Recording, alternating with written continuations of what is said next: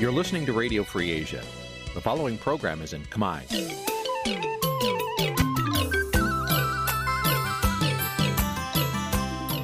នេះជាកម្មវិធីផ្សាយ Vuthu Azizi Serai នេះជាកម្មវិធីផ្សាយរបស់ Vuthu Azizi Serai ជាភាសាខ្មែរ Vuthu Azizi Serai សូមស្វាគមន៍លោកអ្នកនាងទាំងអស់ពីរដ្ឋធានី Washington នៃសហរដ្ឋអាមេរិកបាទខ្ញុំបាទយ៉ងច័ន្ទដារា សូមជម្រាបសួរលោកអ្នកនាងអ្នកស្ដាប់ Vuthu Azizi Serai ទាំងអស់ជាទីមេត្រីខ្ញុំបាទសូមជូនកម្មវិធីផ្សាយសម្រាប់ព្រឹកថ្ងៃអាទិត្យ2កើតខែភទ្របទឆ្នាំខាលចត្វាស័កពុទ្ធសករាជ2566ត្រូវនឹងថ្ងៃទី28ខែសីហា គ្រិស្តសករាជ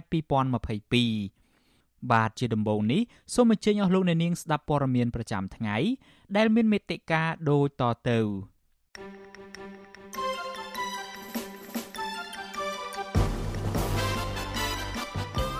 សាឡាវធននឹងជំរះក្តីសុំនៅក្រៅឃុំរបស់កញ្ញាសេងធីរីនៅសប្តាហ៍ក្រោយសកម្មជនគណៈបកប្រឆាំង3នាក់រងការវាយដំក្នុងពន្ធនាគារត្រពាំង plong អ្នកការពារព្រៃឈើហួសចិត្តដែលលោកហ៊ុនសែនតែងតាំងឈ្មួញកាប់ឈើម្នាក់ជាជំនួយការក្រុមអ្នកសិទ្ធិមនុស្សថាការជួញដូរនិងបង្ខាំងមនុស្សនៅកម្ពុជា គឺជារឿងគួរឲ្យសោកសៅ រួមនឹងព័ត៌មានសំខាន់សំខាន់មួយចំនួនទៀត។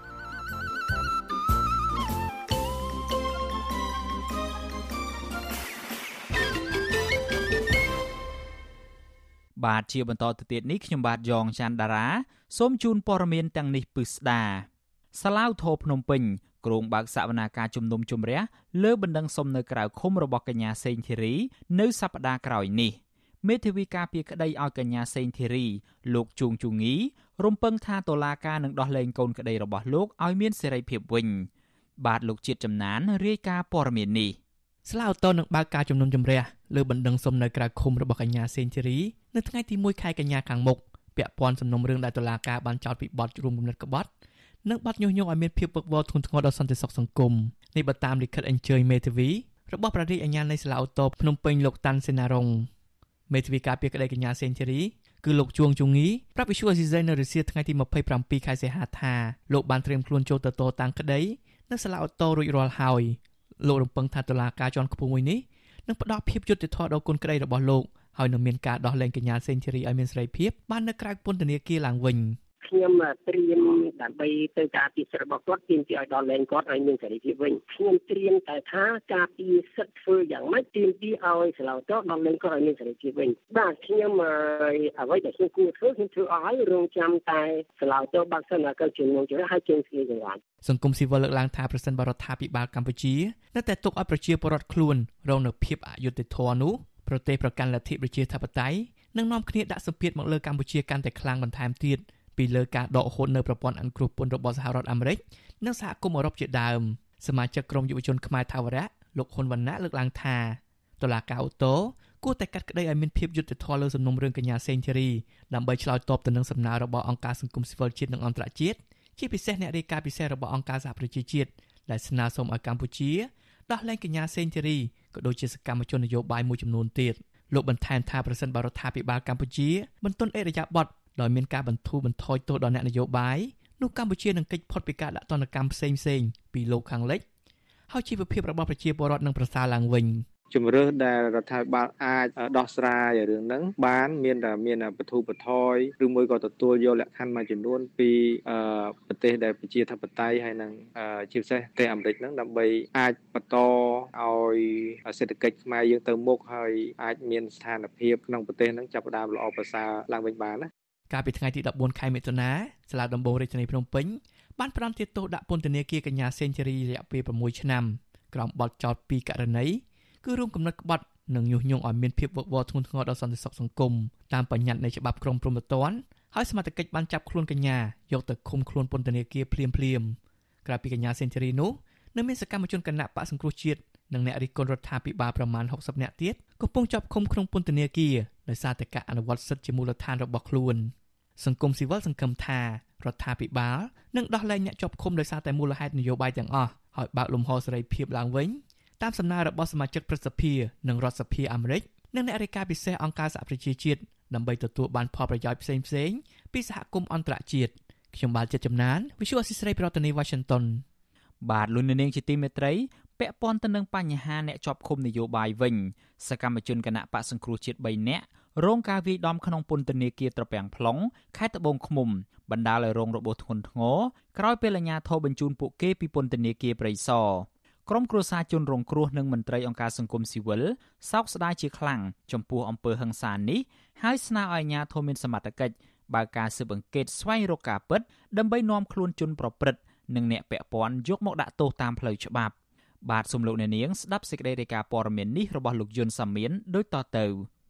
សកម្មជនគណៈបកប្រឆាំងទាំង3នាក់រួមមានលោកកៅថៃលោកជុំច័ន្ទ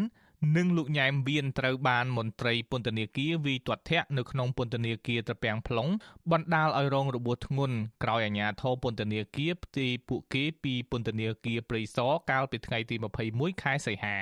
កូនមន្ត្រីគណៈបកសង្គ្រោះជាតិដែលកំពុងជាប់ពន្ធនាគារលោកគង់សំអាន គឺកញ្ញាគង់ម៉ុយលីប្រាប់វិទ្យុអាស៊ីសេរីថា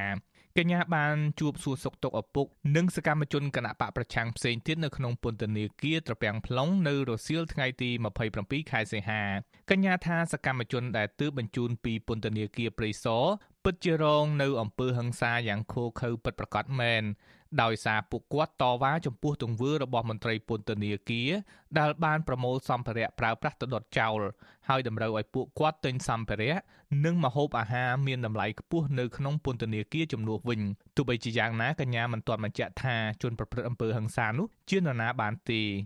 គាត់ទាំងអស់គ្នាទីមទីឲ្យសូមឲ្យខាងគុណធនាគារសូមគុំប្រើអំពើហ ংস ាឬក៏ប្រើនរណាឲ្យមកធ្វើបាបពួកគាត់ពួកគាត់ជាអ្នកនយោបាយពួកគាត់មិនដែលមិនមែនអ្នកលួចឆក់ប្លន់ឡើយនេះគាត់ជាអ្នកស្នេហាជាតិហើយបែរជាមកធ្វើបាបពួកគាត់អញ្ចឹងវាអយុត្តិធម៌ណាស់សម្រាប់គុំខ្មែរអ្នកនយោបាយត្រូវគេធ្វើបាប ចំណែកមន្ត្រីគណៈបកភ្លើងទៀនខេត្តត្បូងឃ្មុំដែលបានជួបជាមួយសកម្មជនដែលកំពុងជាប់ឃុំគឺលោកស៊ូយៀនឲ្យដឹងថានៅក្នុងចំណោមសកម្មជន3នាក់លោកញ៉ែមវៀនត្រូវបានគេវាយបណ្ដាលឲ្យរងរបួសធ្ងន់ជាងគេរហូតដល់ដើរមិនរួចលោកបញ្ជាក់ថាបច្ចុប្បន្នលោកញ៉ែមវៀនកំពុងដេកឈឺចាប់គ្រាំគ្រានៅក្នុងមន្ទីរឃុំឃាំងហើយត្រូវការព្យាបាលពីគ្រូពេទ្យផ្លូវច្បាប់វាមិនគួរនឹងប្រើអំពើហិង្សាដល់កម្រិតដែលប៉ុណ្ណឹងវាស្មាយដូចគ្នាពួកគាត់រងគ្រោះ ដោយគ្មានកំហុសហើយថែមដេញតំងន់ទៅលើពួកគាត់ពេងដំពួកគាត់ទៀតគឺជារឿងអយុត្តិធម៌ឈឺចាប់ហើយថែមឈឺចាប់ទៀតណាបងប្រពន្ធសកម្មជនគណៈបកប្រឆាំងនៅខេត្តស្វាយរៀងលោកញ៉ែមវៀនគឺលោកស្រីពៅសារ៉នប្រាប់ថាលោកស្រីព្រួយបារម្ភពីសវត្ថភាព និងសុខភាពប្តីជាខ្លាំងបន្ទាប់ពីលោកស្រីទទួលបានដំណឹងថាប្តីត្រូវបានគេវាយបណ្ដាលឲ្យរងរបួសធ្ងន់ ស្ត្រីវ័យ59ឆ្នាំរូបនេះចាត់ទុកថាអំពើហិង្សាលើប្តីគឺជារឿងអយុត្តិធម៌បន្ថែមទៀតសម្រាប់សកម្មជនគណបកប្រឆាំងដែលមិនមានទោសកំហុសអ្វីលោកស្រីពៅសរនថាលោកស្រីចង់ទៅជួបប្តីដែរប៉ុន្តែលោកស្រីមិនមានថវិកានោះទេលោកស្រីនឹងខ្ចីបុលអ្នកចិត្តខាងដើម្បីធ្វើដំណើរទៅជួបប្តីនៅពន្ធនាគារត្រពាំង plong នៅថ្ងៃច័ន្ទទី29ខែសីហាខាងមុខនេះខ្ញុំ អីឬគេធ្វើបាបអីខ្ញុំធប់ចង្កៀងទៅក្នុងសុខវិជ្ជាគឺថាគេវាយឲ្យខ្ញុំទទួលយកបានតែធ្វើបាបគាត់អីប្តីខ្ញុំអត់មានទុកកំហុសអីទេមិនថៃធ្វើបាបគាត់រត់ចាស់ហើយវិទ្យុអាស៊ីសេរីមិនអាចតាក់ទងណែនាំពីអគ្គនាយកដ្ឋានពន្ធនាគារនៃក្រសួងមហាផ្ទៃលោកនុតសាវណ្ណាដើម្បីបញ្ជាក់ជុំវិញរឿងនេះបានទេនៅថ្ងៃទី27ខែសីហានេះ។ ជុំវិញរឿងនេះដែរនាយកទទួលបន្ទុកកិច្ចការទូតនៃអង្គការសិទ្ធិមនុស្សលីកាដូលោកអំសំអាតសោកស្ដាយករណីហិង្សាលើសកម្មជនគណៈបកប្រឆាំងទាំងនោះលោកបញ្ជាក់ថាតាមច្បាប់គ្មានជនណាម្នាក់មានសិទ្ធិប្រើទណ្ឌកម្មឬវាយដំលើជនជាប់ឃុំនោះឡើយលោកជំរុញអាជ្ញាធរបើកការស៊ើបអង្កេតដោយឯករាជ្យនិងយុត្តិធម៌ដើម្បីទប់ស្កាត់អំពើហិង្សាដោយយកអ្នកប្រព្រឹត្តនិងអ្នកពាក់ព័ន្ធមកអនុវត្តទោសតាមច្បាប់ឲ្យបានត្រឹមត្រូវ។ យើងជាអង្គការសង្គមស៊ីវិលនៅពេលដែលមានអំពើហិង្សាកើតឡើងពីតការធ្វើត្រង់ការពីអំពើការហិង្សាកើតឡើងតាមមួយនៅក្នុងពុទ្ធនីតិដែលបន្តឲ្យមិនថាឡើយទៅកម្មជនដែលបពប្រឆាំងជនជាប់ចោតតែកដៅបរោទៅអំពើហិង្សាអំពើចរិតកម្មមួយយើងមានការផ្សព្វផ្សាយទី2គឺយើងជំរុញឲ្យមានការស៊ើបអង្កេតការអនុវត្តតាមច្បាប់ កាលពីថ្ងៃទី21ខែសីហាអាជ្ញាធរពន្ធនាគារបានផ្ទេរសកម្មជនគណបកសង្គ្រោះជាតិចំនួន14នាក់ពីពន្ធនាគារព្រៃសរក្នុងរាជធានីភ្នំពេញទៅពន្ធនាគារត្រពាំង plong ខេត្តត្បូងឃ្មុំជាប់ព្រំដែនវៀតណាមប៉ុន្តែក្រុមគ្រួសារជនជាប់ឃុំប្រតិកម្មចំពោះការសម្រេចរបស់អាជ្ញាធរនៃក្រសួងមហាផ្ទៃដោយមិនបានជូនដំណឹងមុនស្របពេលពួកគាត់ព្រួយបារម្ភពីសុខភាព និងសុវត្ថិភាពសមាជិកគ្រួសារជាខ្លាំង។ ទន្ទឹមនេះដែរមន្ត្រីអង្គការសង្គមស៊ីវិលចាត់ទុកការបញ្ជូនជនជាប់ឃុំពីពន្ធនាគារមួយទៅពន្ធនាគារមួយទៀតដោយមិនបានជូនដំណឹងឲ្យមេធាវីការពារក្តីឬក្រុមគ្រួសារដឹងជាមុន ថាជាការរំលោភសិទ្ធិរបស់ពួកគេខ្ញុំយុនសាមៀនវិទ្យុអាស៊ីសេរីប្រធានាធិបតី Washington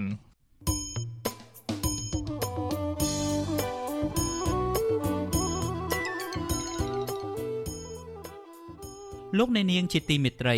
ដំណើរគ្នានឹងស្ដាប់ការផ្សាយវិទ្យុអាស៊ីសេរីតាមបណ្ដាញសង្គម Facebook និង YouTube លោកអ្នកនាងក៏អាចស្ដាប់កម្មវិធីផ្សាយរបស់វិទ្យុអាស៊ីសេរី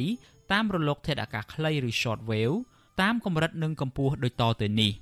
ពេលព្រឹកចាប់ពីម៉ោង5កន្លះដល់ម៉ោង6កន្លះតាមរយៈរលកធាតុអាកាសខ្លី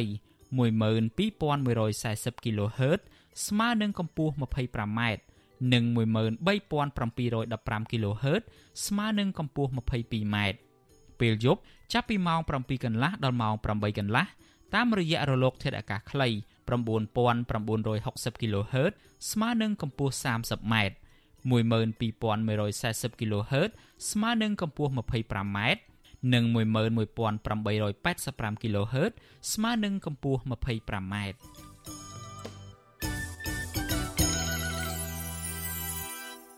លោកអ្នកនាងកំពុងស្ដាប់ការផ្សាយរបស់ Vuthu Azizi Serai ពីរដ្ឋធានី Washington សហរដ្ឋអាមេរិកពាក់ព័ន្ធទៅនឹងបញ្ហាសន្តិសុខសង្គមវិញ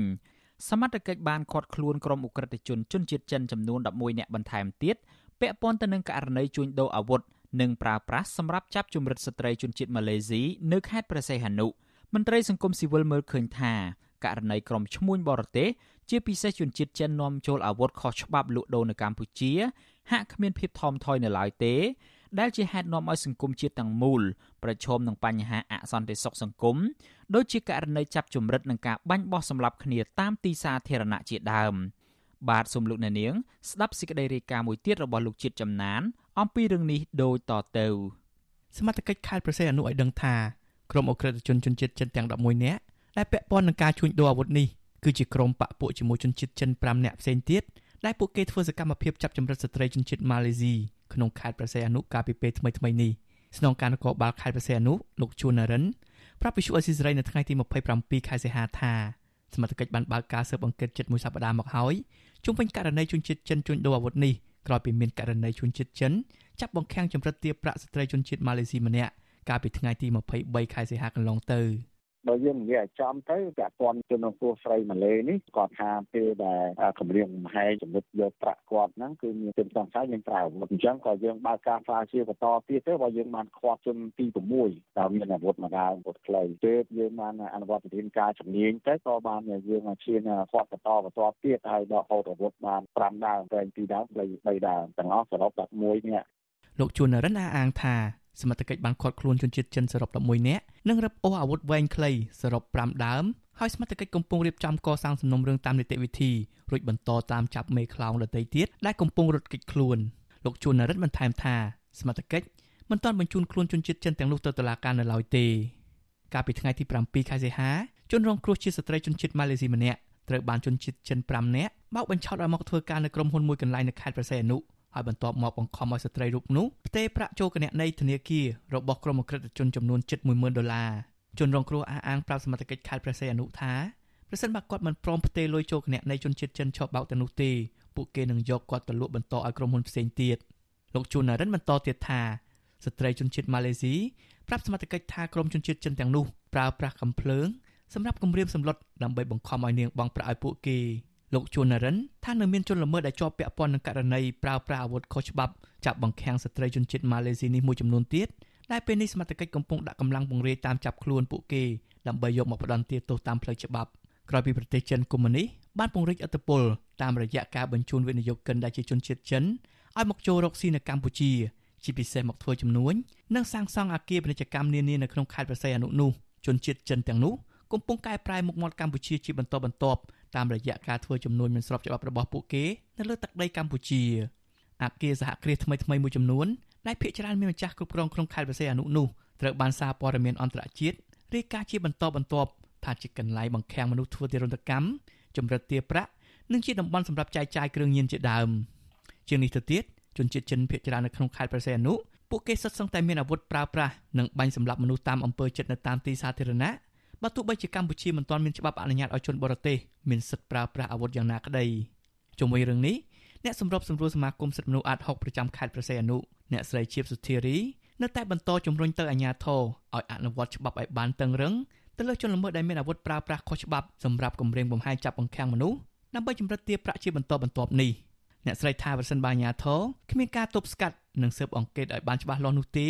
នោះនឹងធ្វើឲ្យប៉ះពាល់ដល់មុខមាត់ប្រទេសជាតិកាន់តែធ្ងន់ធ្ងរ។ ពីដើមឡើយយើងអត់មានបញ្ហាទាំងអស់ហ្នឹងទេតែនៅពេលដែលយើងមានការវិនិយោគរបស់ជនជាតិចិនមកបើកកាស៊ីណូច្រើនកន្លែងមិនមែនតែខេត្តផ្សេងនោះទេមិនថាខេត្តផ្សេងផ្សេងទៀតហ្នឹងក៏មានដែរអញ្ចឹងអ្វីដែលយើងជួបប្រទះជារឿងថ្មីសម្រាប់យើងគឺយើងខ្លាយទៅជាប្រទេសមួយដែលពាក់ព័ន្ធជាមួយនឹងករណីជួញដូរមនុស្សតាមខាងមនុស្សនិងការធ្វើទរណកម្មចាប់ចម្រិតអីចឹងទៅដែលពីមុនមកយើងទាំងអស់ហ្នឹងវាដែរធ្លាប់មាននៅកម្ពុជាទេអញ្ចឹងខ្ញុំគ្រាន់តែសំណូមពរថារដ្ឋាភិបាលគួរតែបង្កើនកិច្ចសហប្រតិបត្តិការជាមួយនឹងបណ្ដាប្រទេសដែលមានជនរងគ្រោះរបស់ខ្លួននៅកម្ពុជាអ្នកស្រីជាបសុធារីបន្ថែមថាជនសង្ស័យដែលត្រូវសមត្ថកិច្ចបញ្ជូនខ្លួនទៅកាត់ទោសនៅតុលាការពិសេសជនបរទេសដែលប្រព្រឹត្តបទល្មើសបែបឧក្រិដ្ឋកម្មចៅក្រមគួរតែប្រកាសសារក្រមផ្ដំទាទោសដោយមានការផ្សព្វផ្សាយឲ្យមហាជនទូទៅបានដឹងដើម្បីឲ្យពួកគេមានជំនឿលើប្រព័ន្ធច្បាប់នៅកម្ពុជាខ្ញុំបាទចិត្តចំណាន Visual Assisray ពីរដ្ឋធានី Washington បាទលោកនាងជាទីមេត្រីពាក់ព័ន្ធទៅនឹងបញ្ហាជួញដូរមនុស្សនេះដែរ អ្នករាយការណ៍ពិសេសអង្គការសហប្រជាជាតិនិងអ្នកការពារសិទ្ធិមនុស្សនៅកម្ពុជាលើកឡើងថាស្ថានភាពនៃការជួញដូរមនុស្សនៅលើទឹកដីកម្ពុជា គឺជារឿងសោកសៅនិងឈានដល់ចំណុចគួរឲ្យព្រួយបារម្ភក្រុមអ្នកជំនាញសិទ្ធិមនុស្សជំរុញទៅរដ្ឋាភិបាលទប់ស្កាត់បទល្មើសឧក្រិដ្ឋកម្មមួយនេះឲ្យមានប្រសិទ្ធភាពឆ្លើយតបទៅនឹងការលើកឡើងនេះមន្ត្រីរដ្ឋាភិបាលអះអាងថាអាញាធមមានឆន្ទៈនៅក្នុងការទប់ស្កាត់បទល្មើស និងបានសហការជាមួយប្រទេសដៃគូដើម្បីប្រឆាំងនឹងឧក្រិដ្ឋកម្មឆ្លងដែនបាទលោកអ្នកនាងនឹងបានស្ដាប់សេចក្តីរាយការណ៍នេះពឺស្ដានៅក្នុងកម្មវិធីផ្សាយរបស់យើងនាពេលបន្តិចទៀតនេះ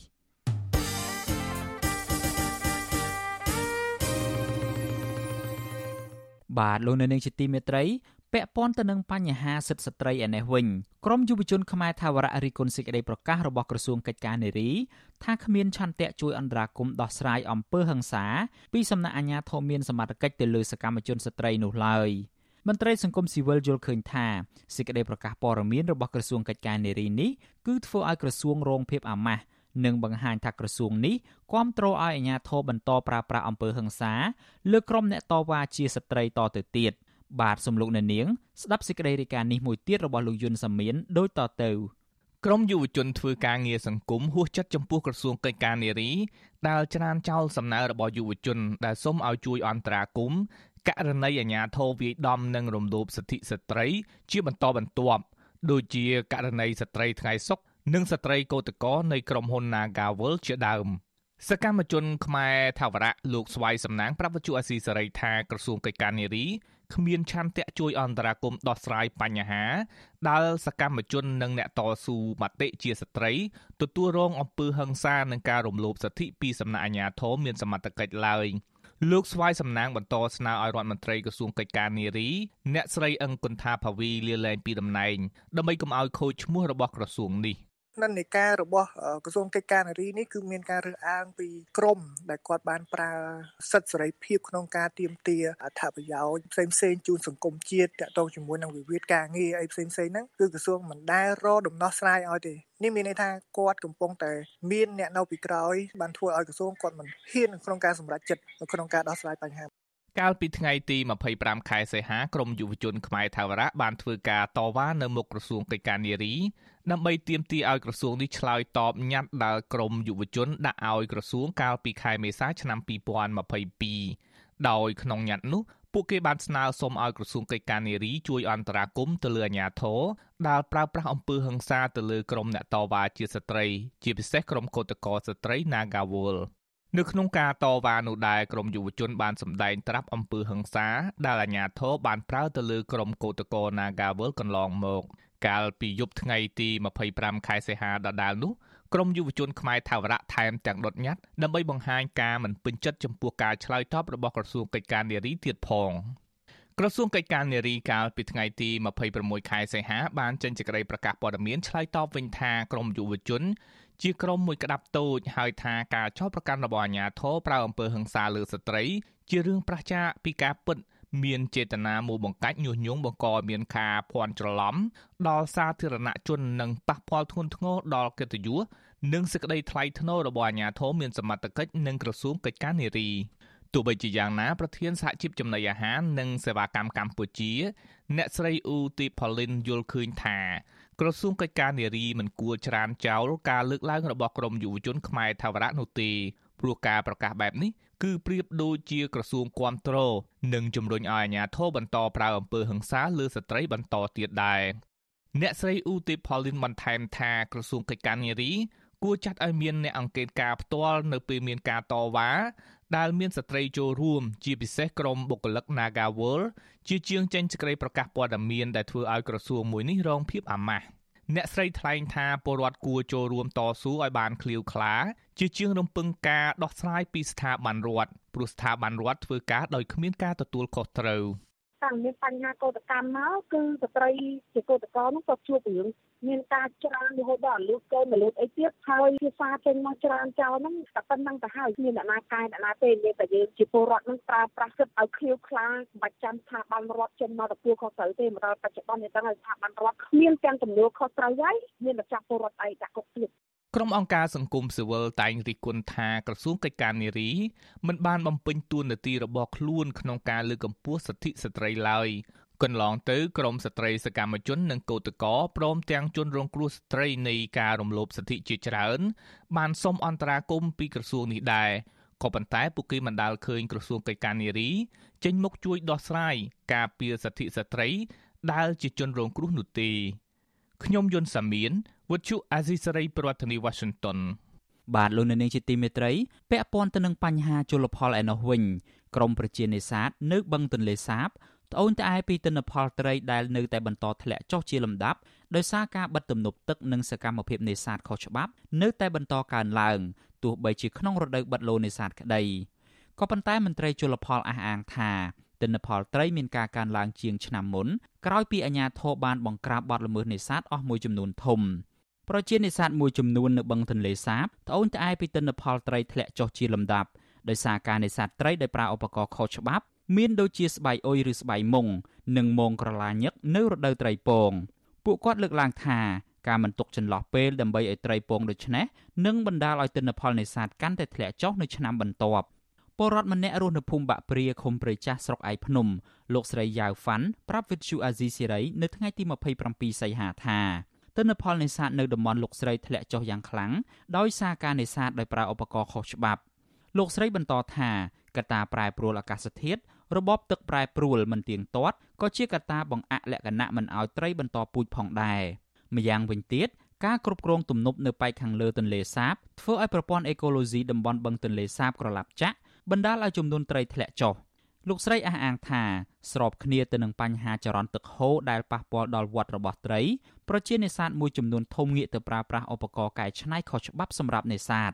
គាត់ទៅពេលត្រូវឥឡូវដឹកតាក់ត្រីថយទៅវិញអស់ត្រកទៅស្អុយវល់ទៅដល់អត់មានត្រីអត់មានអីវាបង្កការរំខានដល់ត្រីពងផងហ្នឹងឯងត្រីកាលណាបើថាទឹកគ្នាល្អគ្នាវាយសបកថាទឹកតាមមុនមុននោះតាមមើលសបកត្រីតែថាទឹកឡើងធម្មជាតិអីអញ្ចឹងដបោសបកត្រីពងអីតាមពើតាមព្រៃអីតាក់ទងទៅនឹងបញ្ហានេះប្រធានសហគមន៍ទប់ស្កាត់បទល្មើសនេសាទភូមិអនសងសក់ឃុំព្រែកនរិនស្រុកឯកភ្នំខេត្តបាត់ដំបងលោកឌីច័ន្ទឲ្យដឹងថា ទិន្នផលត្រីធ្លាក់ចុះបណ្ដាលមកពីកត្តាច្រើនយ៉ាងនៅក្នុងនោះរួមមានការយល់ដឹងរបស់ប្រជាពលរដ្ឋការកើនឡើងបទល្មើសនេសាទនិងភាពចន្លោះប្រហោងរបស់អាជ្ញាធរលោកបន្តថានៅតំបន់របស់លោកការនេសាទត្រូវបានបិទចាប់តាំងពីខែមិថុនារហូតដល់ខែធ្នូទើបបើកឡើងវិញដើម្បីទុកពេលឲ្យត្រីបង្កកំណើតនិងធំលូតលាស់ទោះបីជាយ៉ាងណា លោកនៅតែសង្កេតឃើញថាមានពលរដ្ឋបន្តការនេសាទដើម្បីជីវភាពប្រចាំថ្ងៃដោយអ្នកខ្លះ ប្រើឧបករណ៍លក្ខណៈជាគ្រួសារនិងខ្លះទៀតប្រើប្រាស់ឧបករណ៍ខុសច្បាប់ ជាងនេះទៅទៀតលោកថាអ្នកនេសាទមួយចំនួនចាប់ផ្ដើមប្រើប្រាស់ឧបករណ៍នេសាទខុសច្បាប់ទ្រង់ទ្រាយធំឡើងវិញដែលជាហេតុធ្វើឲ្យអន្តរាយដល់កូនត្រីដែលទើបនឹងញាស់មកលោកឌីចាន់ឲ្យដឹងទៀតថារដ្ឋបាលជលផលហាក់មិនសូវអើពើនឹងការនេសាទខុសច្បាប់ទាំងនោះឡើយដោយមានមន្ត្រីខ្លះទៀតទទួលសំណូកពីជនទុច្ចរិតថែមទៀតផង។ គេមិនឲ្យយើងនៅសាត្រីទាំងអស់ហ្នឹងគេថាគេបិទគេបិទទូទៅទាំងអស់ហ្នឹងបើយើងរកយើងលក្ខណៈគ្រួសារគាត់ហូបអីបានយើងទៅយកទៅលក់យកទៅដូរក៏គេមិនឲ្យរកអូលក្ខណៈគ្រួសារធាក់តិចណាស់ច្រើនណាស់ខុសច្បាប់ហ្នឹងហ្មងឥឡូវនេះត្រីពីប្រមូលផលហើយត្រូវត្រីយើងពណ៌ខ្លះកូនត្រីវាញ័រទូទូចូលអាឧបករណ៍នោះស្បៃមុខមករាប់រយគីឡូគួយអនុចារត្រីទៅធ្លាក់ចោលមួយឆ្នាំបន្តិចមួយឆ្នាំបន្តិចមួយឆ្នាំបន្តិចបើយើងមិនជួយទៅកាត់គ្នាទេវាត្រីកាន់តែថយចឹងហ្មង ផ្ទុយពីការអះអាងរបស់ប្រជាពលរដ្ឋនិងប្រធានសហគមន៍នេសាទនេះនាយខណ្ឌរដ្ឋបាលជលផលខេត្តបាត់ដំបងលោកជួងសុភាអះអាងថាទិន្នផលត្រីមិនមានការថយចុះនោះទេប៉ុន្តែមានតែកើនឡើងជាងឆ្នាំមុនមុនទៅទៀតលោកឲ្យដឹងថាតាមការប៉ាន់ស្មានរបស់លោកទិន្នផលត្រីក្នុងឆ្នាំ2022នេះមានការកើនឡើងច្រើនជាងឆ្នាំមុនចំនួន15% លោកបកស្រាយថាការកើនឡើងនេះគឺបន្ទាប់ពីរដ្ឋាភិបាលនិងអាជ្ញាធរបានចាត់វិធានការបង្ក្រាបនៅរាល់បទល្មើសនិងរឹតបន្តឹងរាល់សកម្មភាពដែលធ្វើឲ្យប៉ះពាល់ដល់ជីវៈចម្រុះនិងផ្ទៃទន្លេសាបនៅក្នុងនោះរដ្ឋបាលជលផលបានបង្ក្រាបបទល្មើសនេសាទនិងបញ្ជូនជនល្មើសទៅតុលាការចំនួន23ករណីហើយគិតត្រឹមខែសីហានេះលោកជឿជាក់ថាប្រសិនបរដ្ឋបាលជលផលនៅតែបន្តបង្ក្រាបហាមឃាត់និងផ្សព្វផ្សាយអំពីបញ្ហានេះ នោះបទល្មើសនេសាទនឹងមានការធ្លាក់ចុះកាន់តែច្រើនជាងនេះទៅទៀត។ព្រោះយើងរឹតបន្តឹងបាត់ល្មើសយើងបង្កាបាត់ល្មើសយើងបានណែនាំយើងបានដកហូតឧបករណ៍គាត់មួយចំនួនដែរឧបករណ៍ល្មើសដូចជាសាច់មងឧបករណ៍ឆក់ជឹកយន្តអីគឺយើងដកហូតបានច្រើនបាទឥឡូវនេះគឺការតឡាការគឺគាត់អនុញ្ញាតឲ្យយើងបញ្ជូនតែម្ដងតែតែម្ដងឲ្យយើងរកសាវតាបានមានសាកសីច្បាស់លាស់គឺយើងអាចបញ្ជូនបានអញ្ចឹងយើងអាចយើងកាត់បន្ថយនៅជនល្មើសបានច្រើនបាទ ក្រសួងកសិកម្មរុក្ខាប្រមាញ់និងនេសាទកាលពីខែឧសភាបានចេញសេចក្តីជូនដំណឹងអំពីរដូវបិទការនេសាទនៅក្នុងបឹងទន្លេសាបចាប់ពីថ្ងៃទី1ខែមិថុនាដល់ថ្ងៃទី30ខែកញ្ញាឆ្នាំ2022សម្រាប់ភូមិសាស្ត្រខេត្តនៅតាមបឹងទន្លេសាប និងដងទន្លេមេគង្គលើនិងចាប់ពីថ្ងៃទី1ខែកក្កដាដល់ថ្ងៃទី31ខែតុលាសម្រាប់ភូមិសាស្ត្រខេត្តនៅតាមដងទន្លេមេគង្គក្រោមនិងទន្លេបាសាក់ រដ្ឋបាលជលផលបានបញ្ជាក់ថានៅក្នុងរយៈពេលបិទនេសាទនេះអ្នកនេសាទទាំងអស់ត្រូវប្រើតែឧបករណ៍នេសាទគ្រួសារដោយហាមឃាត់ការប្រើប្រាស់ឧបករណ៍នេសាទខុសច្បាប់ប្រភេទផ្សេងៗកាលពីខែមីនាកន្លងទៅលោកនាយរដ្ឋមន្ត្រីហ៊ុនសែនធ្លាប់បានលើកឡើងថាបទល្មើសនេសាទជាច្រើនបានកើតឡើងនៅតំបន់បឹងទន្លេសាបលោកបានប្រកាសឲ្យអភិបាលខេត្តទាំង6នៅតំបន់ជុំវិញបឹងទន្លេសាបចាត់វិធានការតឹងរឹងដើម្បីបង្ក្រាបបទល្មើសនេសាទនៅបឹងទន្លេសាបលើសពីនេះទៅទៀត លោកបានបញ្ជាឲ្យត្រៀមឧទ្ធម្ភាគចក្រសម្រាប់ចុះបង្ក្រាបបទល្មើសនេសាទទាំងនោះទៀតផង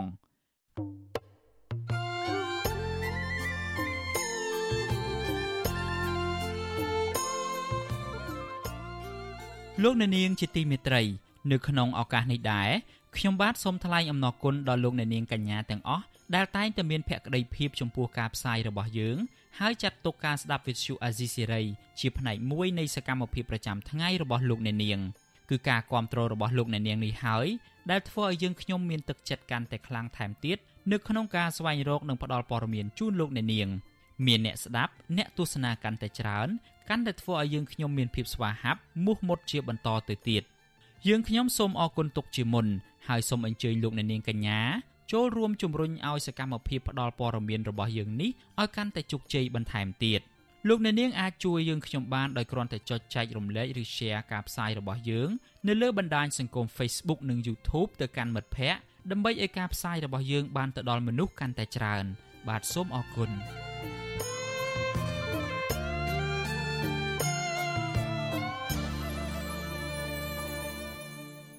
បាទលោកនាងជាទីមេត្រី យើងងាកទៅរឿងតែងតាំងឈ្មួញកាប់ឈើឲ្យធ្វើជាជំនួយការរបស់លោកនាយរដ្ឋមន្ត្រីហ៊ុនសែនវិញក្រុមអ្នកខ្លាំមើលព្រៃឈើនិងមន្ត្រីអង្គការសង្គមស៊ីវិលភ្ញាក់ផ្អើលនៅពេលឃើញប្រមុខរដ្ឋាភិបាលលោកហ៊ុនសែនបានតែងតាំងបុគ្គលដែលមានរឿងអាស្រូវប្រព្រឹត្តឧក្រិដ្ឋកម្មព្រៃឈើនិងជាមេខ្លោងកាប់ទន្ទ្រានដីព្រៃរបស់រដ្ឋជាង3000ហិកតាកន្លងទៅលោកនាយរដ្ឋមន្ត្រីហ៊ុនសែន ធ្លាប់បានប្រកាសថាអុកញ៉ាលឹមប៊ុនណាហៅខ្នាគឺជាអ្នកជួញដូរឈើទ្រង់ទ្រាយធំទៅលក់នៅប្រទេសវៀតណាមហើយលោកបានបញ្ជាឲ្យសមត្ថកិច្ចស៊ើបអង្កេតនិងអនុវត្តច្បាប់ក៏ប៉ុន្តែពេលនេះលោកលឹមប៊ុនណាហៅខ្នាបែរជាខ្លាយជាជំនួយការរបស់លោកហ៊ុនសែនទៅវិញបាទសំលោកអ្នកនាងស្ដាប់សេចក្តីរាយការណ៍នេះរបស់លោកសេកបណ្ឌិតដូចតទៅ អ្នកឃ្លាំមើលបរិស្ថាន និងមន្ត្រីសង្គមស៊ីវិលបានចាត់ទុកការតែងតាំងមេអ ுக ្រិតជនបំផ្លាញព្រៃឈើដ៏ធំ គឺអង្គញាលឹមប៊ុនណាហៅខ្នាជាជំនួយការផ្ទាល់លោកហ៊ុនសែននោះជះឥទ្ធិពលអាក្រក់ដល់សង្គមជាតិព្រោះការតែងតាំងនេះពុំមែនដោយសារចំណេះដឹង និងមានស្នាដៃឆ្នើមជួយសង្គមជាតិនោះឡើយពួកគេចាត់ទុកការតែងតាំងនេះដោយសារតែអង្គញារូបនេះជាអ្នករកស៊ីឈើទុច្ចរិតជាមួយនឹងមន្ត្រីខលខូចរបស់រដ្ឋាភិបាល ហើយប្រាក់ចំណូលពីចំនួនឈើទាំងនេះមួយផ្នែកត្រូវផ្គត់ផ្គង់ទៅឲ្យគណៈបកកណ្ដាលអំណាចគឺគណៈបកប្រជាជនកម្ពុជា កាលពីថ្ងៃទី18សីហាប្រធានគណៈបកប្រជាជនកម្ពុជាលោកហ៊ុនសែនបានចុះហត្ថលេខាតែងតាំងអង្គញាលឹមមុណាហៅខ្នាជាជំនួយការរបស់លោកក្រុមអ្នកឃ្លាំមើលបរិស្ថានសង្ស័យថាប្រមុខរដ្ឋាភិបាល កំពុងប្រើអំណាចកាងការពារអង្គញារោគស៊ីឈើខុសច្បាប់រូបនេះ ជុំវិញរឿងនេះស្ថាបនិកចលនាមេដាធម្មជាតិលោក Alejandro Gonzalez Davidson យល់ថាលិខិតតែងតាំងនេះគឺជាខែលឬអាវក្រោះផ្ដល់ឱកាសឲ្យអង្គញារូបនេះបន្តប្រព្រឹត្តឧក្រិដ្ឋកម្មព្រៃឈើនិងធ្វើចំនួនខុសច្បាប់ជាច្រើនទៀតប៉ះពាល់ដល់សង្គមជាតិដោយសារតែមានលោកហ៊ុនសែនជាអ្នកកាងការពារចំនួនទុច្ចរិតទាំងឡាយលោកថាប្រសិនបើប្រទេសប្រកាន់នីតិរដ្ឋពិតប្រាកដអង្គញារូបនេះនឹងជាប់គុកជាយូរមកហើយ ព្រោះលោកលឹមមុនណា បានប្រព្រឹត្តកំហុសជាច្រើនបូករួមទាំងធ្វើចំនួនខុសច្បាប់ដោះស្រាយនោះថែមទៀតផងលោកថាទង្វើទាំងនេះឆ្លុះបញ្ចាំងថាលោកហ៊ុនសែនកំពុងប្រាស់អធិបុលជានាយករដ្ឋមន្ត្រីកាងការពារឈ្មោះឈើខុសច្បាប់ដើម្បីទទួលបានផលប្រយោជន៍តែតែដោយសារគាត់ជាអ្នករស់ស៊ីទុច្ចរិតជាមួយគ្នា គ្នាលោកហ៊ុនសែនជើងកាងជួយជួយជើងកាងគ្នាឯងទៅហើយកុំភ្លេចថាទូនីតិជា មុខងារជាជំនួយការផ្ទាល់របស់លោកហ៊ុនសែនផ្ដល់ឱកាសឲ្យម្នាក់ហ្នឹងគឺរស់ស៊ីទុច្ចរិត ជាពិសេសអារ៉ូស៊ីកាប់ឈើហ្នឹងគឺត្រង់គេធំជាងមុនទៅទៀតជាខែលជាអាវមួយដែលឥឡូវគាត់អាចពាក់បានដើម្បីកាប់ឈើជួនដូរឈើអីហ្នឹងទោះសកម្មភាពខុសច្បាប់ដោយតាមអំពើចិត្តដោយគ្មានខ្លាចតឡាការគ្មានខ្លាចប៉ូលីសគ្មានខ្លាចអីទាំងអស់ហ្នឹងជើងវាប៉ះពាល់ធ្ងន់ណាស់កាលពីចុងខែកុម្ភៈឆ្នាំ2016ប្រជាពលរដ្ឋរស់នៅឃុំរិស័យកែវស្រុកព្រែកប្រសពខេត្តក្រចេះជាង500គ្រួសារបានផ្តិតមេដៃ ប្តឹងអង្គការលឹមបូណាហៅខ្នាទៅតុលាការខេត្តកោះចេះពីបទកាប់រៀនដីព្រៃសាធារណៈរបស់រដ្ឋទំហំជាង3000ហិកតាខុសច្បាប់ក្រមប្រជាពលរដ្ឋទាមទារឲ្យអង្គការរូបនេះនិងអ្នកពាក់ព័ន្ធទទួលខុសត្រូវចំពោះការបាត់បង់តំបន់ព្រៃស្រោងយ៉ាងធំសម្បើមនេះហើយបច្ចុប្បន្នបានក្លាយទៅជាទីដីវាលមានភូមិគ្រឹះនិងរមណីយដ្ឋានសង់ពីឈើប្រណិតដ៏ធំស្កឹបស្កៃស្ថិតនៅក្នុងឃុំរស័យកែវស្រុកព្រៃប្រសពមកទួលនឹងពីនេះ សំណុំរឿងនេះត្រូវបានសាលាដំបងខេត្តក្រចេះដំកល់ទុកឥតចាត់ការ តែប្រជាពលរដ្ឋបានប្តឹងទាស់ទៅសាលាឧទ្ធររួចហើយមន្ត្រីពង្រឹងសិទ្ធិអំណាចសហគមន៍មូលដ្ឋាននៃសមាគមការពារសិទ្ធិមនុស្សអាត6ដែលជាដើមបណ្ដឹងក្នុងសំណុំរឿងនេះលោកប៉ែនបូណាថ្លែងថាតំបន់ព្រៃស្រោងមានទំហំជាង3000ហិកតាស្ថិតនៅតំបន់អូស្ទឹងឡានៃឃុំរស័យកែវត្រូវបានអង្គការរូបនេះព្រមទាំងអ្នកពាក់ព័ន្ធផ្សេងទៀត សម្រុកកັບឆ្ការៀនយកដីធ្វើជាកម្មសិទ្ធិផ្ទាល់ខ្លួន តាំងពីឆ្នាំ2009ដោយគ្មានការទទួលខុសត្រូវខណៈដែលដីតំបន់នោះមិនទាន់ធ្វើអនុប្រយោគដល់ឡើយទេ លោកបន្ថែមថាការតែងតាំងអង្គការរូបនេះ គឺជារឿងរបស់គណៈបកកណ្ដាលអំណាចប៉ុន្តែអ្វីដែលសំខាន់លោកចង់ឃើញតុលាការនិងសមត្ថកិច្ចត្រូវអនុវត្តច្បាប់ដោយស្មើភាពគ្នា ចំពោះបុគ្គលដែលប្រព្រឹត្តបទល្មើសឧក្រិដ្ឋកម្មព្រៃឈើ។ ផលប៉ះពាល់ទៅលើអ្នកការតែងតាំងដែរបានតែបញ្ជាដឹងដែរទាំងអស់គ្នាដឹងថាជាប់ពាក់ព័ន្ធជាមួយបទល្មើសអក្រិតព្រៃឈើកាប់រៀនដីព្រៃក៏មានកាប់ឈើដឹកទៅវៀតណាមក៏មានអញ្ចឹងវាទទួលរងឥទ្ធិពលអាក្រក់ពីបុគ្គលដែរតែបុគ្គលហ្នឹងអញ្ចឹងធ្វើឲ្យបាត់សេចក្តីទំនុកចិត្តពីសង្គមក៏ដូចប្រជាពលរដ្ឋលោកប៉ែនប៊ុនណាបន្ថែមថាធ្វើត្បិតសំណុំរឿងនេះសាលាដំបងខេត្តកោះចេះដំកល់ទុកឥតចាត់ការក្តី ប៉ុន្តែអ្នកភូមិមានភ័ស្តុតាងច្បាស់លាស់រកឃើញសកម្មភាពកាប់ឆ្ការដីព្រៃតំបន់ព្រៃស្រោងស្ថិតនៅឃុំឬសីកែវដោយចោតប្រកាន់អុកញ៉ាចំនួន2រូបគឺអុកញ៉ាលឹមប៊ុនណាហៅខ្នា និងអុកញ៉ាបុតប៊ុនអេងហៅអេង និងអ្នកពាក់ព័ន្ធមួយចំនួនទៀតលោកថាព្រៃស្រោងជំរកសត្វព្រៃនិងជាតំបន់ដីបំរុងទុក ដែលអុកញ៉ាទាំងនេះកាប់ទុនទ្រានធ្វើជាកម្មសិទ្ធិថិតនៅក្នុងគម្រោងដីសម្បត្តិសង្គមគិច្ចជិត3000ហិកតា ដែលអាជ្ញាធរធ្លាប់ចុះវាស់វែងនិងគូសផែនទីបឋមក្រៅពីជាប់ពាក់ព័ន្ធនឹងការទុនទានដីព្រៃរាប់ពាន់ហិកតានៅខេត្តកោះចេះអង្គញាខ្នាមានជាប់ពាក់ព័ន្ធនឹងអ ுக ្រិតកម្មព្រៃឈើនៅតំបន់ទំនប់វារីអគិសនីសេសានក្រោម2ជាច្រើនឆ្នាំ ចាប់តាំងពីឆ្នាំ2012ដោយក្រុមហ៊ុន បានប្រើលេសសម្អាតបាតអាង លើផ្ទៃដីទំហំជាង30000ហិកតា ដើម្បីដឹកជញ្ជូនឈើពីខាងក្រៅបន្លំធ្វើជាឈើស្របច្បាប់ រួចដឹកចេញយកទៅលក់នៅប្រទេសវៀតណាមចំនួនឈើដ៏ធំធេងទាំងនេះធ្វើឲ្យព្រៃសហគមន៍ជាច្រើនតំបន់ស្ថិតនៅក្នុងស្រុកសេសានស្រុកសៀមប៉ាង និងផ្នែកខ្លះក្នុងតំបន់ឧស្សាហជាតិវរៈជ័យត្រូវវិនិច្ឆ័យហិនហោចកាលពីថ្ងៃទី15ខែមករាលោកនាយករដ្ឋមន្ត្រីហ៊ុនសែននៅក្នុងកិច្ចប្រជុំគណៈរដ្ឋមន្ត្រី បានចុចចំឈ្មោះអង្គការពីររូបដែលលោកហ៊ុនសែនថាជាអ្នកកាងរកស៊ីដឹកឈើទៅប្រទេសវៀតណាមហើយបានឲ្យសមត្ថកិច្ចចុះបង្ក្រាប អង្គការទាំងពីររូបនោះ គឺលោកអង្គញាលឹមបូណាហៅខ្នានិងលោកសឹងសំអល់ក្រោយពីការប្រកាសរបស់លោកហ៊ុនសែនសមត្ថកិច្ចបានចុះទៅពិនិត្យទីតាំងស្តុកឈើខ្នាតធំមួយកន្លែង របស់អង្គញាលឹមបូណាស្ថិតនៅជាប់ព្រំដែនវៀតណាមក្នុងខេត្តត្បូងឃ្មុំប្រតិបត្តិការនោះសមត្ថកិច្ចបានរឹបអូសសម្ភារៈនិងគំនរឈើរាប់រយម៉ែត្រគូបប៉ុន្តែมันបានអនុវត្តច្បាប់លើអង្គញារូបនេះនៅឡើយទេសកម្មជនបរិស្ថានស៊ើបឲ្យដឹងថា ប្រាក់ចំណូលមួយផ្នែករបស់អង្គញារូបនេះបានផ្គត់ផ្គង់គ្រួសារលោកហ៊ុនណេងដែលត្រូវជាបងប្រុសបង្កើតលោកហ៊ុនសែនដោយបានសាងសង់លំនៅឋានប្រណិតតម្លៃរាប់លានដុល្លារឲ្យលោកហ៊ុនណេងនិងសាច់ញាតិរបស់លោកហ៊ុនសែនផងដែរលើសពីនេះលោកលឹមបូណាបានប្រើប្រាស់ថវិកាយ៉ាងច្រើនទ្រទ្រង់សកម្មភាពរបស់គណៈបកកណ្ដាលអំណាចដូចជាឃោសនាបោះឆ្នោតចែកអំណោយនិងសាងសង់ទីស្នាក់ការគណៈបកជាដើម។ វិទ្យុអាស៊ីសេរីនៅពុំទាន់អាចតាក់ទងសុំការបំភ្លឺជុំវិញការលើកឡើងនេះពីលោកអង្ញាលលឹមបូណាហៅខ្នាបាននៅឡើយទេ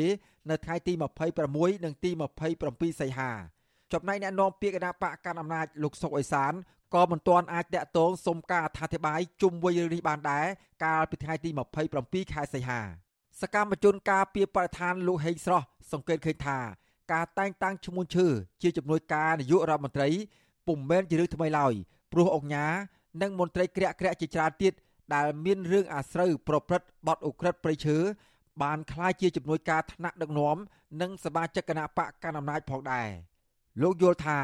អ្នករកស៊ីកាប់បំផ្លាញព្រៃឈើខុសច្បាប់ គួរតែទទួលទោសតាមច្បាប់មិនគួរคล้ายជាអ្នកជំនួយការថ្នាក់ដឹកនាំនោះទេព្រោះវាប៉ះពាល់ដល់នីតិរដ្ឋធ្ងន់ធ្ងររីឯអង្គញាខ្នា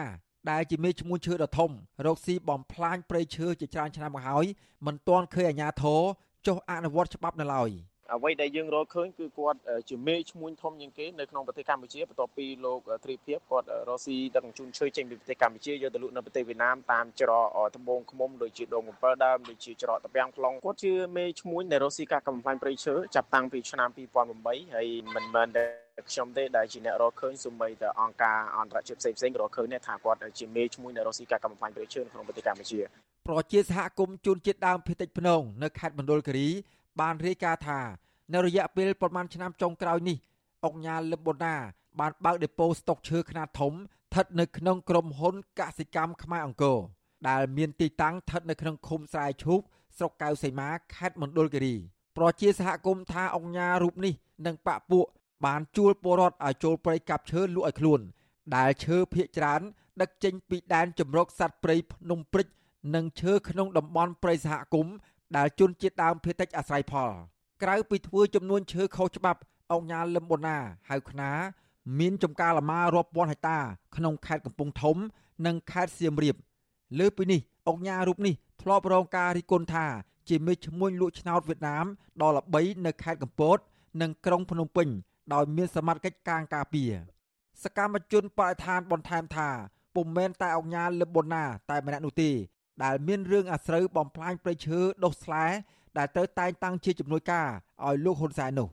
នៅមានអង្គការទ្រីភិបនិងមេឈ្មោះរកស៊ីឈើខុសច្បាប់មួយចំនួនទៀតសុទ្ធជាសមាជិកគណៈបកកណ្ដាលអំណាចនិងជាជំនួយការមន្ត្រីកម្ពុជាកម្ពុជាដើម្បីកាងធ្វើអាជីវកម្មផ្លូវងងឹតរួមមានអង្គការលឹមសំអល់អ្នកស្រីជឹងសុភាពហៅយាយភូ អង្គការវ៉ាន់ថៃ និងអង្គការតុកវីរដាជាដើមខ្ញុំបាទសេកបណ្ឌិត វិទ្យុអាស៊ីសេរីពីរដ្ឋធានីវ៉ាស៊ីនតោន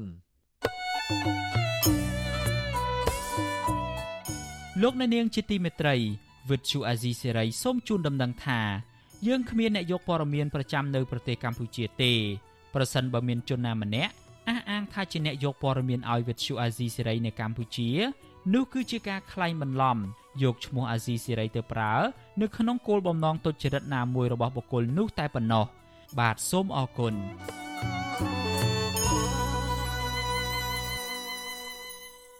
បាទលោកនាងជាទីមេត្រីអ្នករាយការណ៍ពិសេសអង្គការសហប្រជាជាតិនិងអ្នកការពារសិទ្ធិមនុស្សនៅកម្ពុជាលើកឡើងថាស្ថានភាពនៃការជួញដូរមនុស្សនៅលើទឹកដីកម្ពុជា គឺជារឿងសោកសៅនិងឈានដល់ចំណុចគួរឲ្យព្រួយបារម្ភក្រុមអ្នកជំនាញសិទ្ធិមនុស្សជំរុញទៅរដ្ឋាភិបាល ទប់ស្កាត់បទល្មើសឧក្រិដ្ឋកម្មមួយនេះឲ្យមានប្រសិទ្ធភាពឆ្លើយតបទៅនឹងការលើកឡើងនេះមន្ត្រីរដ្ឋាភិបាលអះអាងថាអាញាធរមានឆន្ទៈនៅក្នុងការទប់ស្កាត់បទល្មើសនិងបានសហការជាមួយប្រទេសដៃគូដើម្បីប្រឆាំងនឹងឧក្រិដ្ឋកម្មឆ្លងដែន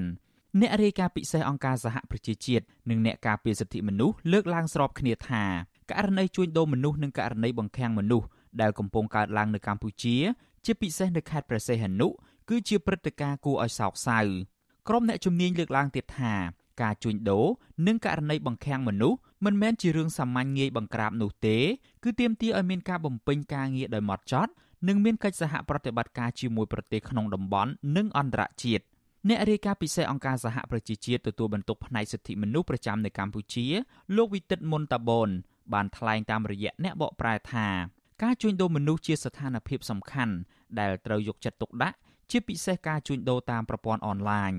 លោកបន្តថាកម្ពុជាជាប្រទេសគោលដៅនៃការជួញដូរនិងបង្ខាំងមនុស្សហើយការបង្ខាំងមនុស្សគឺជាគោលដៅនៃការជួញដូរមនុស្សលោកជំរុញទៅអាជ្ញាធរនិងរដ្ឋាភិបាលត្រូវចាត់វិធានការឲ្យមានប្រសិទ្ធភាពនិងបើកកិច្ចសហការជាមួយប្រទេសពាក់ព័ន្ធនិងប្រទេសក្នុងតំបន់អាស៊ាន បើសិនជាយើងយុតិធម៌ទៅគឺថាប្រទេសកម្ពុជាអឺខ្លាយជាប្រទេសគោលដៅហើយជាឆ្នេះប្រទេសគោលដៅត្រូវតែចាត់វិធានការឲ្យមានប្រសិទ្ធភាព មានន័យថាត្រូវការមានកិច្ចសហប្រតិបត្តិការរវាងប្រទេសនេះជាមួយនឹងប្រទេសផ្សេងៗទៀតនៅក្នុងតំបន់ជាពិសេសនៅក្នុងអាស៊ាន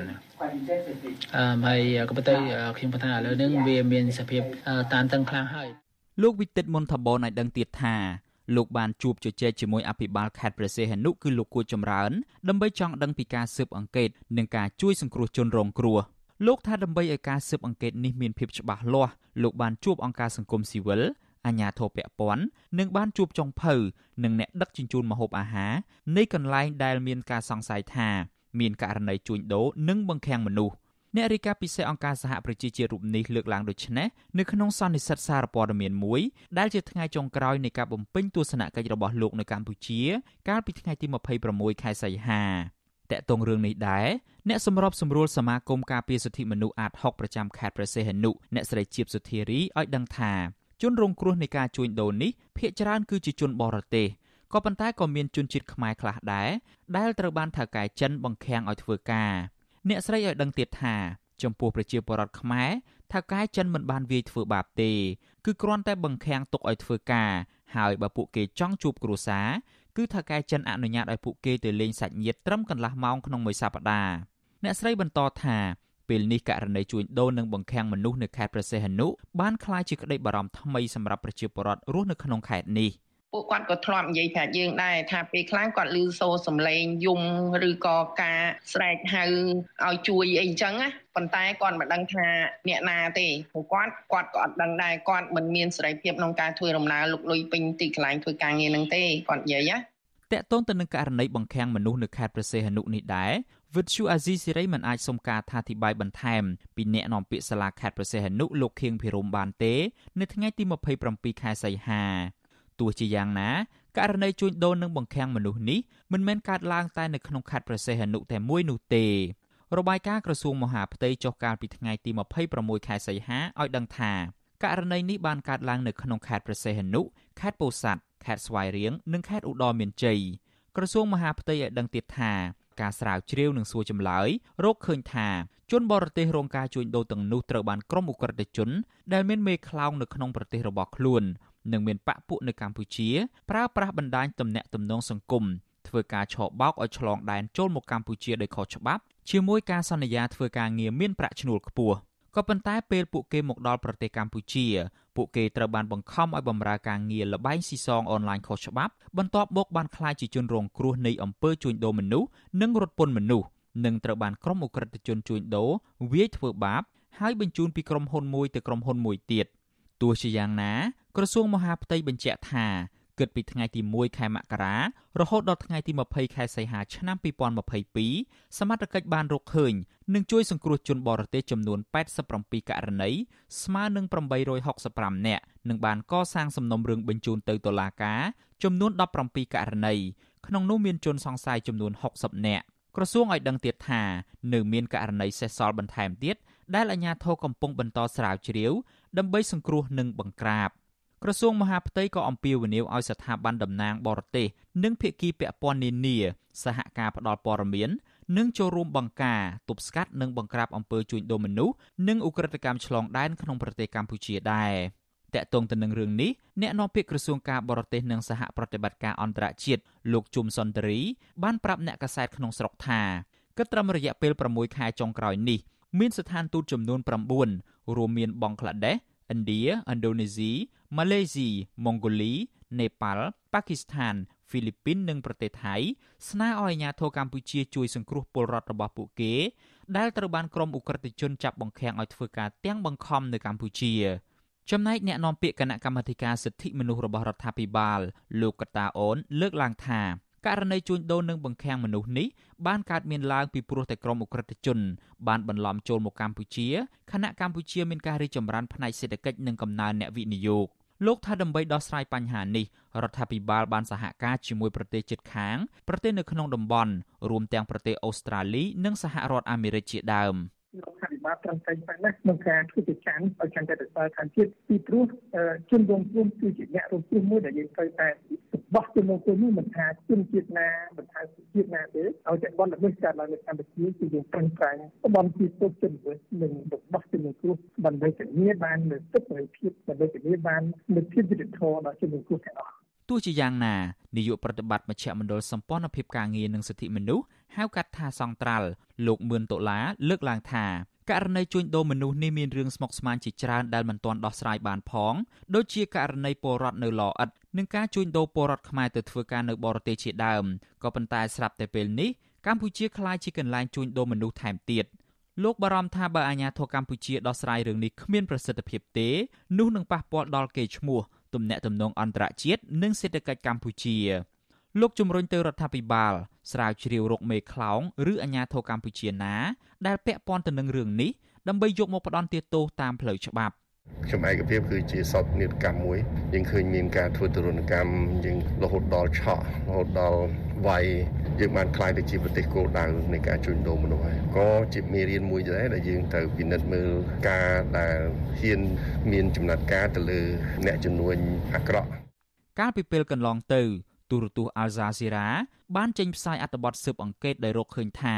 មានករណីឧក្រិដ្ឋកម្មជួញដូរមនុស្សនិងចាប់បង្ខាំងមនុស្សធ្វើទារុណកម្មបង្ខំឲ្យធ្វើការឆបោកតាមប្រព័ន្ធអ៊ីនធឺណិតដែលប្រតិបត្តិការដោយក្រុមហ៊ុនចិននៅលើទឹកដីខ្មែរស្ថាប័នសារព័ត៌មានអន្តរជាតិមួយនេះបានលាតត្រដាងថា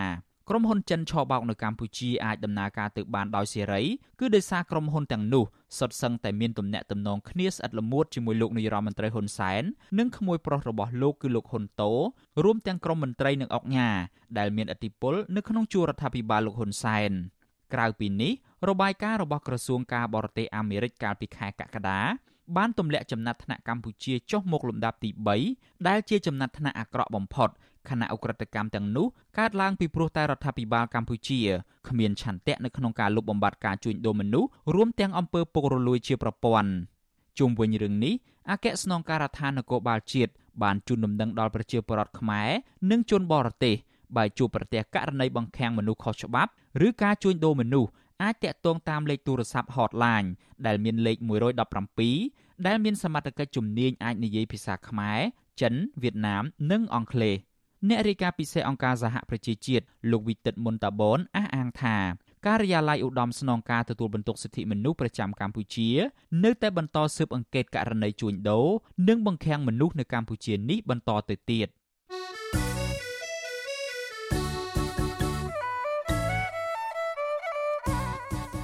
លោកអ្នកនាងកញ្ញាជាទីមេត្រីក្រៅពីការតាមដានកម្មវិធីផ្សាយរបស់ Vuthu Azizi Serai តាមបណ្ដាញសង្គម Facebook YouTube Telegram លោកអ្នកនាងក៏អាចតាមដានកម្មវិធីផ្សាយរបស់យើងតាមរយៈបណ្ដាញសង្គម Instagram របស់ Azizi Serai បានដែរតាមរយៈតំណ link www.instagram.com/rfa ខ្មែរ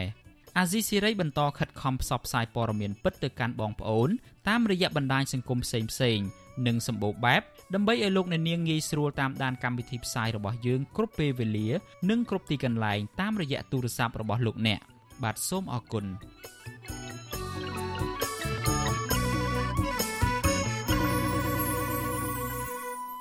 លោកអ្នកនាងកំពុងស្ដាប់ការផ្សាយរបស់ Vuthu Azizi Serai ពីរដ្ឋធានី Washington នៃសហរដ្ឋអាមេរិកប្រជាពលរដ្ឋរស់នៅតំបន់បឹងតាមុកចាត់ទុកបឹងធម្មជាតិមួយនេះថាជាឆ្នាំងបាយ ដែលអាចចិញ្ចឹមពួកគាត់ឲ្យរស់រានមានជីវិតតាំងពីឆ្នាំ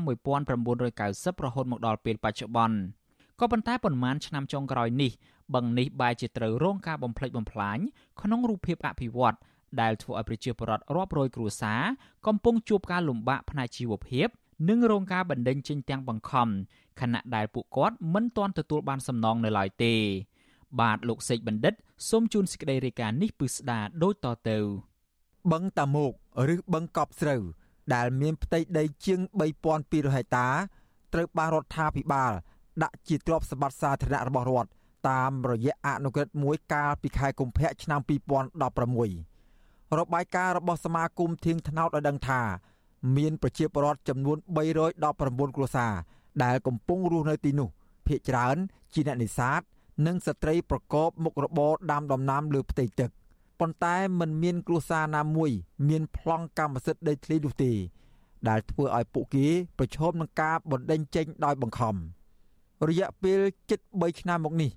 បឹងតមោកក្រោមការដឹកនាំដោយរដ្ឋាភិបាលឯកបកត្រូវបានផ្ទេរដោយអនុក្រឹត្យនានាទៅកាន់ភ្នាក់ងារបុគ្គលដែលមានទំនាក់ទំនងល្អជាមួយនឹងរដ្ឋាភិបាល និងក្រុមហ៊ុនអចលនទ្រព្យដើម្បីយកមកអភិវឌ្ឍគិតបន្ទល់នឹងពីនេះផ្ទៃ ដីដែលមិនទាន់បានចាក់លុបមានចំនួន1800ហិកតា នៃទំហំសរុបជាង3200ហិកតាខណៈដែលប្រជាពលរដ្ឋនៅក្នុងតំបន់នេះកំពុងបារម្ភថាតើពួកគេអាចរស់នៅបានយូរប៉ុណ្ណាតទៅទៀតនោះក្តីបារម្ភនេះបន្ទាប់ពីប្រជាពលរដ្ឋឃើញមានសកម្មភាពគ្រឿងចាក់និងឡានដឹកដីជាច្រើនគ្រឿងបានបន្តចាក់ដីលុបបឹងចិត្តដល់លំនៅឋានរបស់ពួកខ្លួន ខណៈដែលបញ្ហាមិនទាន់បានដោះស្រាយនៅឡើយហើយប្រជាពលរដ្ឋជាង250គ្រួសារដែលរស់នៅជាប់នឹងមាត់បឹងតមោកក្នុងសង្កាត់សំរោងត្បូងខណ្ឌព្រែកភ្នៅរាជធានីភ្នំពេញ បានចេញតវ៉ាជាបន្តបន្ទាប់អស់រយៈពេលជាង2ខែមកហើយជុំវិញការចេញតវ៉ាជាហោហែមកនេះតំណាងប្រជាពលរដ្ឋទាំងនោះក៏រងការចោទប្រកាន់ក្រោមបទចោទរារាំងញុះញង់ បង្កើតសកម្មភាពអនាធិបតេយ្យតាមដងផ្លូវសាធារណៈទៅតាមបណ្ដឹងរបស់លោកមាសសម្បូរដែលពលរដ្ឋប្រាប់ថា ជាប្រធានសន្តិសុខខណ្ឌព្រែកភ្នៅក្រោយពីពួកគេនាំគ្នាតវ៉ាប្រឆាំងមិនឲ្យអាជ្ញាធរចាក់ដីលុបបឹងតមោកដោយអះអាងថាប៉ះពាល់ដល់កន្លែងអាស្រ័យផលនិងការតវ៉ាទាមទារក្រោយអាជ្ញាធរថាពួកគាត់រស់នៅលើដីចំណីផ្លូវដោយខុសច្បាប់ពលរដ្ឋម្នាក់ក្នុងចំណោមពលរដ្ឋ ជាង200គ្រួសារគឺលោកស្រីជូននាង ប្រាប់វិទ្យុអាស៊ីសេរីថាលោកស្រីមករស់នៅតំបន់បឹងតមុកនេះតាំងពីឆ្នាំ1990មកហើយប្រកបមុខរបរនេសាទត្រី និងអាស្រ័យផលផ្សេងផ្សេងដូចជាបេះបន្លែយកទៅលក់នៅឯផ្សារគ្រាន់បានថវិកាខ្លះដើម្បីផ្គត់ផ្គង់ជីវភាពប្រចាំថ្ងៃលោកស្រីបារម្ភថា បើសិនរដ្ឋាភិបាល នៅតែបន្តអភិវឌ្ឍបឹងមួយនេះតទៅទៀត ហាក់ដូចជាវាយបំបែកឆ្នាំងបាយរបស់ពួកគាត់រួមទាំងប្រឈមនឹងការបណ្តេញចេញឲ្យទៅរស់នៅកន្លែងផ្សេង ដែលនៅឆ្ងាយពីទីប្រជុំជន លោកស្រីចាត់ទុកការអភិវឌ្ឍនេះថាជារឿងអយុត្តិធម៌ខណៈប្រជាពលរដ្ឋកំពុងជួបការលំបាកបូរចេញពីទឹងដឹងទៅពិបាកររស៊ីឯណាមួយវេទនានៅនេះទៅយើងអាច មានម៉ោងមានអីរដាក់ម៉ោងចងទូចងអីបានបេះតកូនរកផលិតអីបានតែឥឡូវ គាត់លុបអស់ចឹងមិនដឹងរកអីដែរប្រជាពលរដ្ឋរស់នៅសង្កាត់សំរោងត្បូងខណ្ឌព្រែកភ្នៅរូបនេះស្នើសុំឲ្យរដ្ឋាភិបាល ជួយសម្រួលនិងដោះស្រាយឲ្យពួកគេរស់នៅលើទីតាំងនេះដដែលដោយមិនត្រូវបណ្ដេញពួកគេចេញទៅកន្លែងផ្សេងនោះទេព្រោះបច្ចុប្បន្នប្រជាពលរដ្ឋអាចរកចំណូលបានត្រឹម30000រៀលទៅ50000រៀលក្នុងមួយថ្ងៃ ដែលអាចមានជីវភាពល្អប្រសើរពីការអាស្រ័យផលនៅតំបន់បឹងធម្មជាតិមួយនេះ សំណុំពើថាឲ្យជួយខ្វេះខ្វីលឲ្យកូនចៅរស់នៅទាំងហ្នឹងបានដីបាន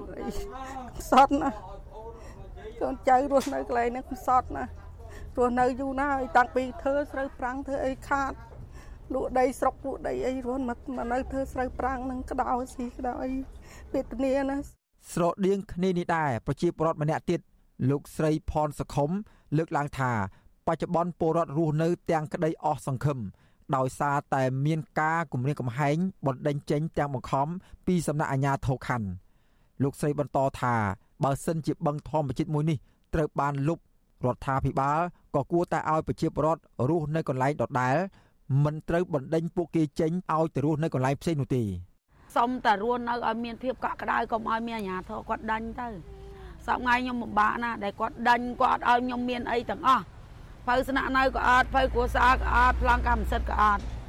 អញ្ចឹងក៏មានសិទ្ធិអីឲ្យខ្ញុំមកបានខ្ញុំចេះរើបំរាស់ហ្នឹងចាអារម្មណ៍ពួកខ្ញុំគឺថាមិនចង់ឲ្យលុបទេពួកបងកែដូនតាយើងរកបានត្រីធម្មជាតិយើងអត់ចង់ហូបទេត្រីចិញ្ចឹមវាខូចសុខភាពវិទ្យុអាស៊ីសេរីពុំទាន់អាចតាក់ទងអភិបាលខណ្ឌព្រែកភ្នៅលោកសុកសម្បត្តិ និងអភិបាលក្រុងភ្នំពេញលោកហួងស្រេងដើម្បីសូមអត្ថាធិប្បាយជុំវិញបញ្ហានេះបានទេ នៅថ្ងៃទី21និងទី22ខែសីហាដោយទូរស័ព្ទចូលច្រើនដងតែពុំមានអ្នកទទួលតែយ៉ាងណាលោកធ្លាប់ប្រាប់វិទ្យុអាស៊ីសេរីថាពលរដ្ឋទាំងនោះរស់នៅដោយខុសច្បាប់លើដីចំណីផ្លូវលេខ130ដែលផ្លូវនេះរដ្ឋាភិបាលមានគម្រោងពង្រីកឲ្យបានទៅដល់50ម៉ែត្រដូច្នេះអាជ្ញាធរមិនអាចឲ្យពលរដ្ឋរស់នៅទីនោះបានឡើយ ចំណែកសកម្មជនបរិស្ថាននៃចលនាមេដាធម្មជាតិដែលតែងតែចេញវីដេអូរិះគន់ជុំវិញគម្រោងអភិវឌ្ឍលុបបឹងធម្មជាតិនេះដែលទើបតែចេញពីពន្ធនាគារលោកលីច័ន្ទរាវុធលើកឡើងថារដ្ឋាភិបាលគួរតែរៀនសូត្រពីបញ្ហាលុបបឹងជាច្រើននៅក្នុងរាជធានីភ្នំពេញកន្លងទៅដែលបានបង្កឲ្យមានផលប៉ះពាល់ដល់ប្រជាពលរដ្ឋនិងសោភ័ណភាពទីក្រុងតាមរយៈទឹកភ្លៀងលិចទីក្រុង និងបញ្ហាបាក់ច្រាំងទន្លេជាហូរហែ លោកមើលឃើញថាការអភិវឌ្ឍមួយនេះកំពុងតែធ្វើឲ្យប្រជាពលរដ្ឋកាន់តែមានជីវភាពលំបាកវេទនាដូច្នេះបើសិនជាបឹងនេះត្រូវបានលុបហើយប្រជាជនត្រូវបានបណ្តេញចេញតើឲ្យពួកគាត់ទៅរស់នៅឯណាឲ្យពួកគាត់ទៅរកស៊ីអីទៀតអាហ្នឹងហើយគឺជាបញ្ហាប្រឈមទី2ហើយខ្ញុំមើលឃើញថាការដែលផ្ដល់ដីនៅលើបឹងនេះទៅឲ្យអ្នកមានគណៈពេលដេញអ្នកក្រចេញនេះគឺវា មិនមែនជាការវិវត្តដែលល្អទេវាគឺជាការបង្កើននៅកម្រិតរវាងអ្នកមាននិងអ្នកក្រនឹងឲ្យកាន់តែធំទៅធំទៅមានន័យថាអ្នកមានតែ4 10នាក់អាចយកដីនៅតំបន់នេះសង់ជាអគារលក់លក់ឲ្យអ្នកមានគ្នាឯងទទួលបានចំណូលខណៈពេលដែលអ្នកក្រកាន់តែក្រទៅបាត់បង់មុខរបរហើយនឹងមិនមានឱកាសចាក់ចេញពីភាពក្រីក្រទៅទេបើមិនជាគាត់ចាក់ចេញពីទីតំបន់នេះទៅប្រជាពលរដ្ឋនិងសកម្មជនបរិស្ថានសង្កេតឃើញថាវាសនាបឹងធម្មជាតិនៅក្នុងរាជធានីភ្នំពេញ ជាពិសេសបឹងតាមុករងការអភិវឌ្ឍនៅក្នុងរូបភាពលុបបឹងដើម្បីបដូរយកមកវិញនៅសំណង់អាគារវិឡាធំធំរបស់អ្នកមានលុយមានអំណាចផ្អែកលើអនុក្រឹត្យជាច្រើនស្ដីពីការធ្វើឯកជនភាវូពាណិជ្ជកម្មដីផ្ទៃបឹងតាមុកនេះបច្ចុប្បន្នបង្ហាញឲ្យឃើញពីការអភិវឌ្ឍដោយក្រុមហ៊ុនអចលនទ្រព្យលំដាប់ខ្ពស់ដែលក្នុងនោះរួមមានគម្រោងសាងសង់អគារស្ថាប័នរដ្ឋាភិបាលមួយចំនួនផងដែរផ្ទៃបឹងតាមុក មានទំហំជាង3000ហិកតាតាមអនុក្រឹត្យចុះថ្ងៃទី3ខែកុម្ភៈឆ្នាំ2016ប៉ុន្តែបឹងនេះបានរួមតូចបន្តិចម្ដងបន្តិចម្ដង បន្ទាប់ពីរដ្ឋាភិបាលលោកហ៊ុនសែនសម្រេចកាត់ផ្ទៃបឹងនិងអនុញ្ញាតឲ្យចាក់លុបអស់រាប់សិបហិកតា ក្រោមហេតុផលអភិវឌ្ឍប្រជាពលរដ្ឋនិងសង្គមស៊ីវិលស្នើសុំឲ្យអាជ្ញាធរគួរពិនិត្យនិងដោះស្រាយទៅលើសំណើរបស់ប្រជាពលរដ្ឋនៅតាមមូលដ្ឋានជាជាអាជ្ញាធរមកបណ្ដេញប្រជាពលរដ្ឋ ចេញពីលំនៅឋានទាំងបង្ខំពីព្រោះពលរដ្ឋរស់នៅលើផ្ទៃដីនេះតាំងពីមិនទាន់មានការអភិវឌ្ឍដូច្នេះរដ្ឋាភិបាលគួរតែចរចាជាមួយពលរដ្ឋឲ្យបានត្រឹមត្រូវនិងមានតម្លាភាពខ្ញុំបាទសេកបណ្ឌិតវិទ្យុអាស៊ីសេរីពីរដ្ឋធានីវ៉ាស៊ីនតោន